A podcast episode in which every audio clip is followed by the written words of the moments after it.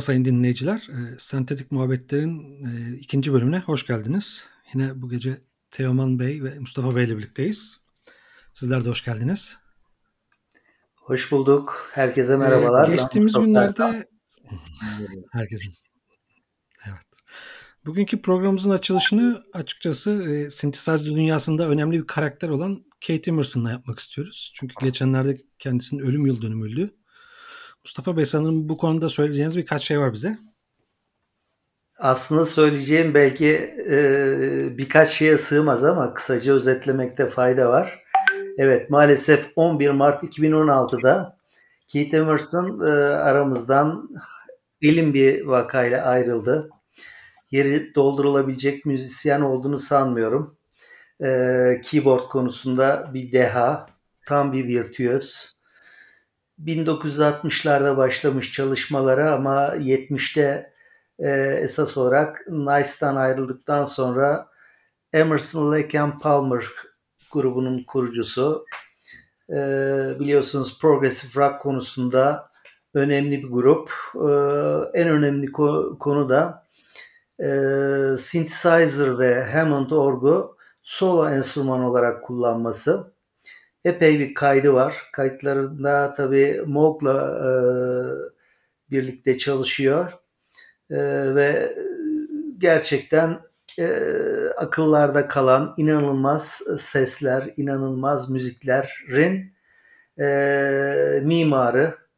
Kendisini saygıyla ve sevgiyle anıyorum. Kendisi bildiğim kadarıyla gayet önemli bir Moog kullanıcısıydı. Moog'un modüler sistemini her zaman sahnesinde görüyorduk. Evet, evet. Moog Modular özellikle e, Robert Moog'la beraber geliştirdiği e, bu büyük sistem zamanının herhalde en iyisiydi. Kısa bir süre önce, 5-6 sene önce birebir replikasını yine Moog yaptı. Orijinal Moog da şu anda bir müzede, New York'ta sanırım bir müzede sergileniyor. Kendisini bu vesileyle anmış olduk.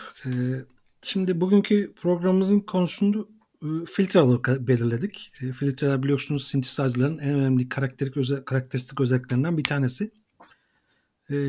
Konuya da subtractive synthesiz'in yapı taşlarını açıklayarak girmek istiyoruz aslında galiba bugün değil mi Teoman Bey? Doğru evet aynen o şekilde. Bize biraz anlatır mısınız bir subtractive synthesiz'in en önemli yapı taşları nelerdir?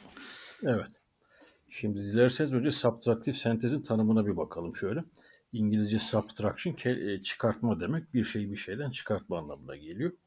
Ee, synthesizer'lardaki subtraction işlemi ise istemediğimiz yüksek frekansların çıkarıp atılması, e, istediğimiz kısımların kullanılması anlamına geliyor. Bunu da filtreyle yapıyoruz. Filtre aslında subtraction işleminde e, en temel bileşen. Şimdi filtrelerden detaylı olarak bahsetmeden önce bir mekanik bir örnek vermek istiyorum ben sizlere. Filtre nedir, ne iş yapar? Şimdi filtrede elektronik sinyali geçirdiğim zaman içerisinde çok fazla harmonik var. Bunların her biri birer sinüs dalgası. Ve bu sinüs dalgaların frekansları birbirinden farklı. Dolayısıyla dalga boyları farklı. Biz bunları fiziksel bir obje gibi kabul edelim ilk başta. Ee, dalga boyu tabirini hepimiz duymuşuzdur. Dalga boyu frekansın tersi yani lambda ile gösteririz. Lambda 1 bölü f'tir. Ee, frekansın yüksek olması lambdanın küçük olması. Lambdanın büyük olması da frekansın küçük olması demek. Bunu gündelik hayattan şöyle bir örnekle göz önüne getirebiliriz. Ee, çok farklı boyutlarda kum taneleri olduğunu düşünelim elimizde ve bu kum tanelerinin içindeki küçük parçaları bir elekten geçirip filtreleyeceğimizi varsayalım. E, filtrenin delikleri ne kadar küçük ise ben eleği salladığım zaman o kadar küçük şeyler çıkar. Alttan dökülür, büyük parçacıklar benim elimde kalır. Aslında elektronik e, audio filtrelerin yaptığı da buna benziyor. Buradaki küçük gözenekler aslında bizim filtrelerimizdeki kato frekansına tekabül ediyor. Kato frekansı ne kadar yüksek olursa e, o kadar yükseğe kadar e, frekansları geçiriyorum. Gerisini silip yok ediyorum anlamına geliyor. Şimdi filtrelerde iki tane temel parametremiz var. Bunlardan bir tanesi katuh, bir tanesi rezonans. Katuh az önce de bahsetmiş olduğum gibi. E, nereden itibaren sinyali filtreleyeceğim? e, nereden itibaren de dokunmadan geçireceğim.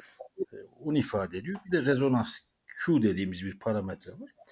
Rezonans da bu katof parametresindeki e, vurguyu biraz artırmak. Aslında ona şey denir, emphasis denir İngilizce, vurgu. Yani o frekansı biraz daha sağına ve soluna kıyasla biraz daha yükseltmek, belirgin hale getirmek anlamına geliyor rezonans. Şimdi filtrelerde e, katof frekansından hemen sonrasını pat diye bir anda kesmiyoruz. Roll-off dediğimiz belli bir eğim derecemiz var. Yavaş yavaş harmonikleri zayıflatarak ortadan kaldırırız. Bunun da bir ölçüsü var. Desibel ifade edilen bir değer. Genelde endüstri standardı haline gelmiş olan 24 desibellik filtre standardı çok yaygın. Bunun yanında 12 desibeller de var. E, 18 daha nadiren görülüyor. Bu desibel bir oktav boyunca e, frekansın 24 dB veya 12 dB filtre tarafından zayıflatıldığı anlamına geliyor. Buna 4 kutuplu veya 2 kutuplu da diyebiliyoruz sırasıyla. Bu şu anlama gelir. Filtrenin matematik denklemine çok fazla girmeyeceğim ama e, her bir kutup 6 desibellik zayıflatma anlamına gelir. 2 kutuplu filtre 12 desibel. E, doğal olarak 4 kutupta 24 dB anlamına geliyor. Onun için bir synthesizer'ın reklamına veya ilanına baktığım zaman 4 pole filtre diyorsa onun biz 24 dB olduğunu anlıyoruz. İşte 2 olsa da 12 dB. Çok temel olarak filtrenin yaptığı iş bu. Ondan bahsettik. Temel parametrelerinden bahsettik. Ee, biraz da filtrelerin arasındaki farklardan bahsedeyim dilerseniz. Şimdi 24 desibellik 4 kutuplu bütün firmalara ait filtrelere aynı sesi vermiyorlar. Bunların karakteristikleri birazcık farklı. Ee, bunu da şöyle anlayabiliriz. Size geçmişten, tarihten bir örnek vereyim. Biliyorsunuz minimum kadar Robert Moog'un yaptığı minibook kadar Tom Oberheim'in yaptığı Oberheim synthesizer'lar da çok meşhur biliyorsunuz. Hepimiz duymuşuzdur bunu. Şimdi Tom Oberheim e, müzik kariyerine minimuklara e, ilave harici filtre yapmakla başlamış. Bunlara da SEM filtresi diyoruz. E, açılımı da Synthesizer Expander Modül. Bunu zamanında Tom Oberheim çıkartırken maksadı şuymuş. Minimukları 24 dB'lik filtreye sahip. Fakat 24 dB nispeten hızlı bir şekilde frekansları zayıflattığı için daha parlak tonları elde edebilir miyim düşüncesiyle Tom Oberheim e, iki kutuplu yani 12 desibellik bir filtre tasarlamış. Şimdi bunu Minimug'a taktığınız zaman harici filtresini ve amplifier'ını e, devreden çıkartıp pasifize ettiğiniz zaman Minimug'un e, osilatörlerini doğrudan bir sen filtresinden geçirip biraz daha parlak İngilizce tabirle bright sesler elde edebiliyormuşuz. Zaten gerisi tarih. İşlerin iyi gitmesiyle birlikte Tom Oberheim bu SEM filtrelerini kendi osilatörleri, kendi işte enveloplarını, LFO'larını falan ekleyerek monofonik sintezajlara başlamış. Ondan sonra gittikçe işi büyütmüş. Buradan şu neticeyi çıkartabiliriz arkadaşlar. Her 12 dB e, filtre aynı ses tonunu vermediği gibi her 24 dB'de kendi aralarında aynı ses tonunu vermiyor. Bunu da teknik olarak şöyle açıklayabiliriz. Ee, bir filtre içerisinden geçen sinyalin her bir harmoninin belli bir derecede genliğiyle oynuyor.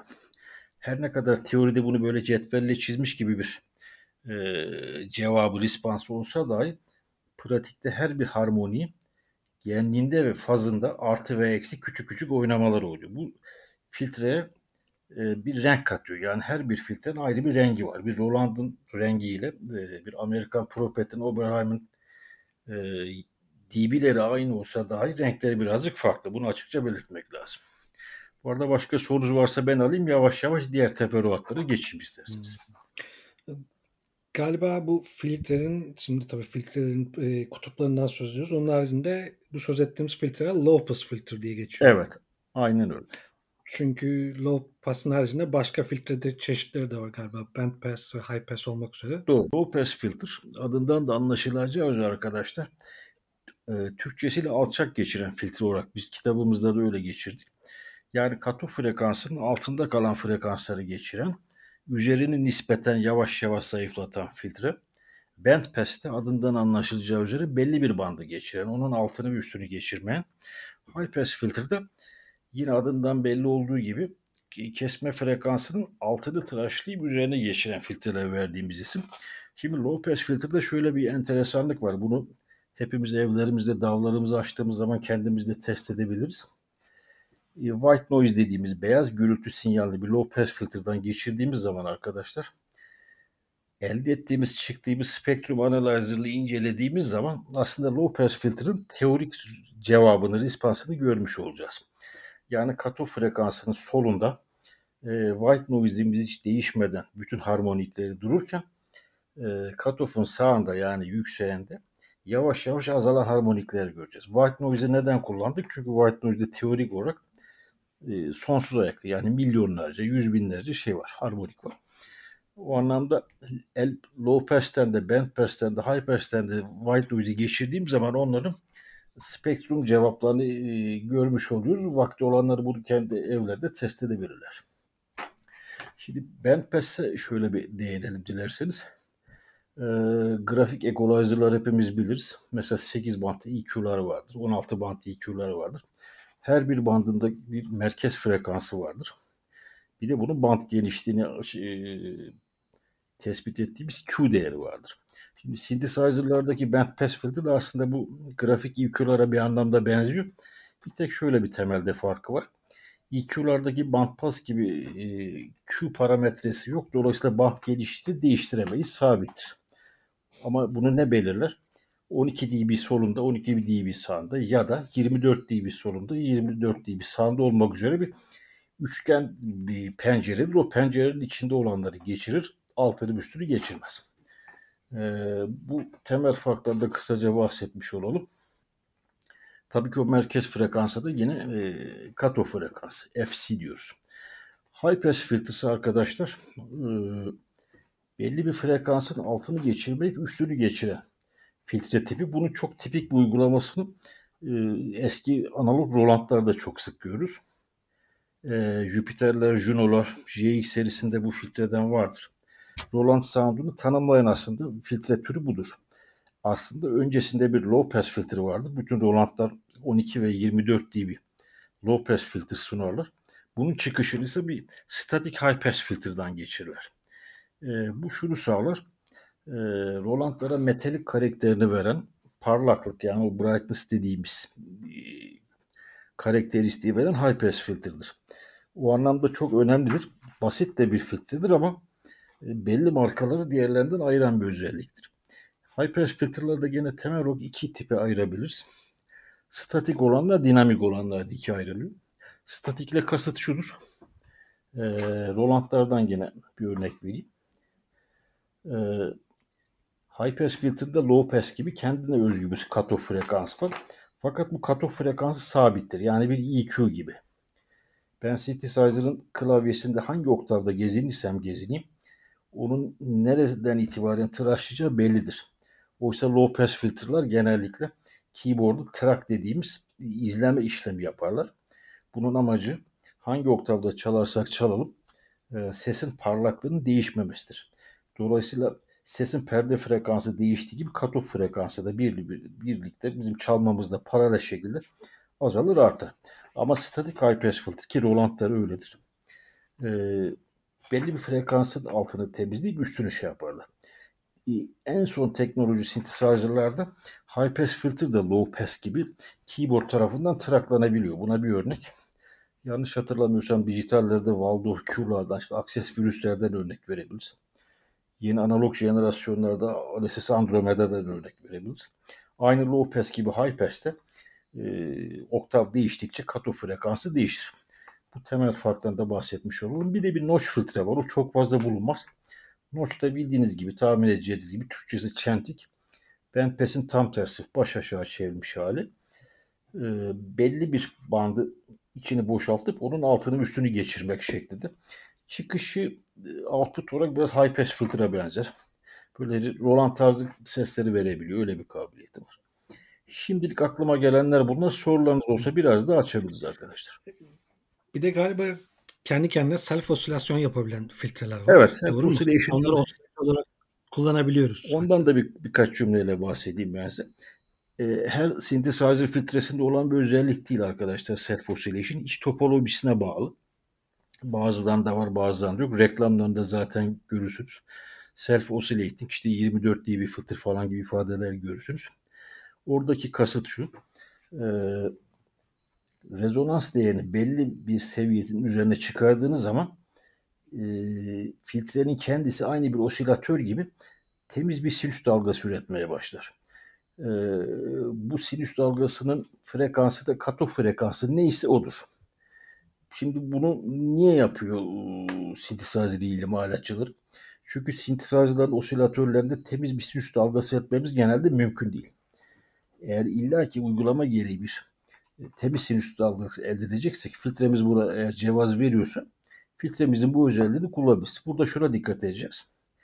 Ayarladığımız katok frekansı bizim çaldığımız e, melodinin tonuyla uyumlu olmalı. Yani A440'da mesela 440'ın katları veya işte bölüm değerleri oranında bir katof şey yaparsam ben mesela do majörden çaldığım bir şeyde self oscillation'dan elde ettiğim sinüs dalgasını bir medya olarak çalabilirim.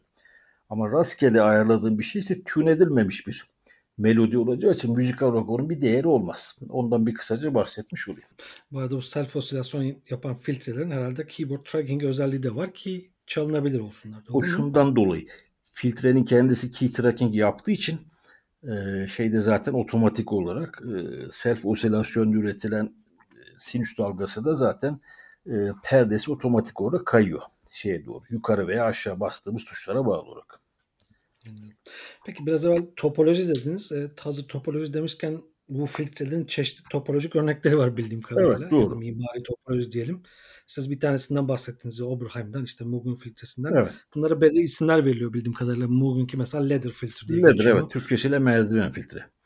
Evet işte Roland'dan biraz bahsettiniz. Bunun haricinde birkaç çeşit daha var bildiğim kadarıyla. Mesela Steiner yani, Parker gibi. Steiner Parker filtresi var. Ee, İngilizlerin yanlış hatırlamıyorsam. Ee, yine İngilizlerin EMS markasının bu Jean-Michel Jarre'ın meşhur Oksijen albümünde falan Mustafa abi çok daha iyi bilecektir onları. EMS'in çok kendine özgü bir filtresi vardır. Ama bunların hepsinin birbirinden farklı olduğunun altını çizmek lazım. Sebebini az önce bahsettim zaten sizlere. Yani 24 dB olan 5 farklı filtre bile farklı farklı cevaplar, farklı renkler verebilirler. Sebebinden bahsettim. Harmoniklere uygulanan genlik ve faz kaymalarının neticesinde oluşan bir durum bu. E, aklıma gelmişken şundan da bir kısaca bahsetmek lazım. Minimugların eski Sam Oberheim e, filtrelerin olduğu dönemden sonra 80'lerden itibaren çip bazlı filtrelere başladı. Bundan önceki e, sohbetimizde de yanlış hatırlamıyorsam bahsetmiştim. Çip bazlı olanlar da öne çıkan birkaç tane filtre tipi var. Curtis e, filtreleri Amerikan üretimi.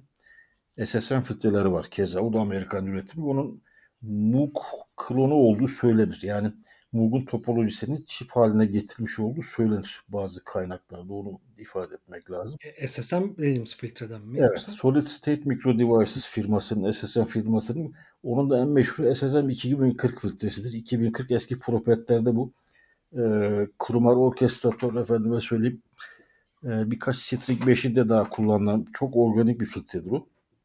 Ondan sonra 2044'te falan çıktı. Kendine özgü bir filtredir. Biraz Roland'a benzer.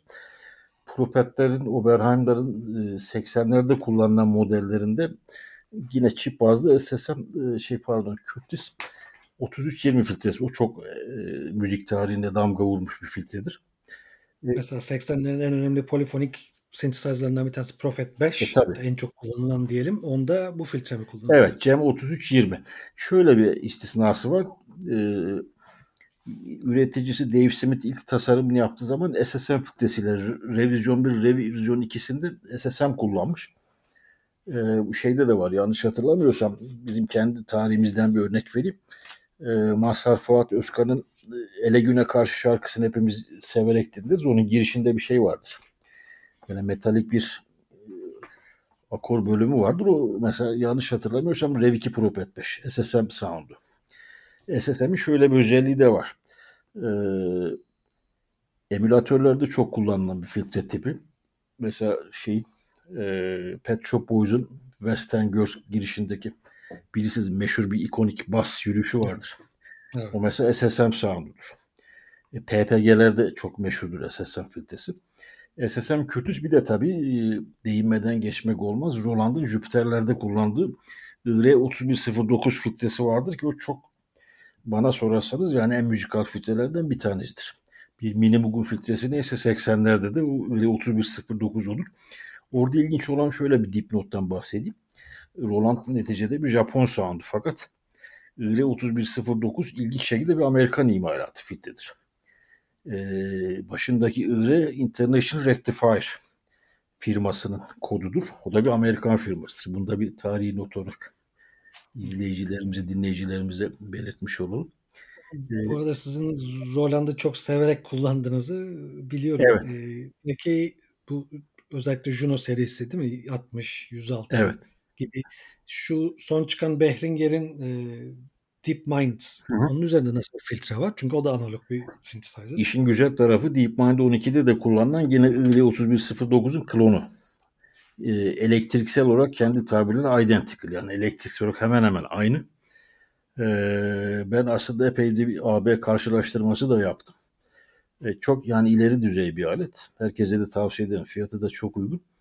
Juno 106'dan tek farkı bana sorarsanız analog korusunun eksik olması. Yani Juno Juno yapan zaten korus devresidir. Ama DeepMind onun çok daha ötesine geçiyor ve dijital korusları falan da var zaten. Ee, Juno ve Jupiter'e biraz ben, benzediği için mimari az önce bahsettiğim high pass filter de statik tiptedir. Yani Andromeda'nınki gibi tracking yapan değil, aynı Juno'lardaki, Jüpiter'lerdeki gibi statiktir. Yani aslında sadık bir tasarım oldu. Ondan da bahsetmiş olayım ben size. Bu arada filtreler tam şu anda low pass filtreden söz ediyoruz. Hatta bu söz ettiğimiz filtrelerin çoğu low pass filtre ama bazı filtreler de var ki hepsini sağlayabiliyor. Hem low pass, high pass, hem Çok doğru, pass. çok doğru. Ona bir, ona bir örnekte e, yine 80'den Oberheim'ları verilebilir.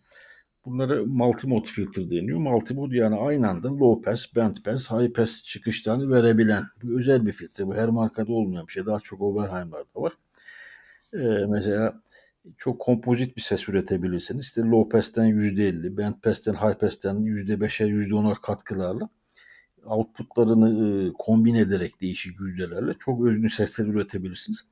Tabii Roland'larda tek başına pass artı ile o da bir multimode tanımına giriyor açıkçası. Onda da öyle bir şey var. Ama e, çip bazlı propetlerde, Oberheim'lerde falan yok. Son dönem dijitallerinde var elbette.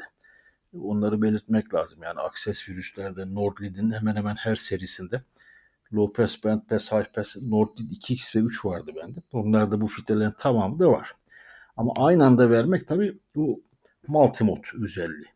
Hazır filtrelerden konuşurken ben de bir anekdot anlatmak isterim. Bildiğim kadarıyla, duyduğum kadarıyla, belgesellerde gördüğüm ve okuduğum kadarıyla da e, bu filtre özellikle Moog'un meşhur Ladder filtresi zamanında ARP 2600 yapılırken e, Aaron L. Perlman tarafından taklit edilmiş. O şekilde kullanılmış ARP 2600 synthesizer'larda. Bir süre sonra tabii bu aralarında bir anlaşmazlık oluşturmuş ticari olarak da. E, gayet davalık olmuşlar. Hatta Alan Perlman'ın anlattığına göre kendisi de e, hatta MOOC kapısına kadar gelip dayanmış bu konu üzerine. Sonradan o yüzden ARP 2600'lerde bu filtreyi değiştirip kendi dizayn ettikleri bir filtreyi kullanmışlar. O yüzden yani ilk çıkan 2600'lerin çeşitli üretim zamanlarındaki çeşitli filtreleri var. Hepsi aynı değiller. Hatta Korg da bu yaptığı en son tekrar yapım ARP 2600'de de iki filtreyi de kullanmış bir switch vasıtasıyla ikisini de değiştirebiliyorsunuz. Bugünkü programımızda da filtreleri konuştuk. Ee, Teoman Bey bize oldukça teknik, güzel bilgiler verdi. Ee, Mustafa Bey de bize güzel anılarını anlattı kendi synthesizer ile alakalı. Ee, bugünkü programı burada noktalıyoruz. Umarım diğer programlarımızda da synthesizer oluşturan diğer elemanları da konuşuruz. Osilatörler, envelope generator'lar gibi. Hepinize teşekkür ediyorum ben. Ben de bizi dinleyerek selamlarımı, sevgilerimi gönderiyorum.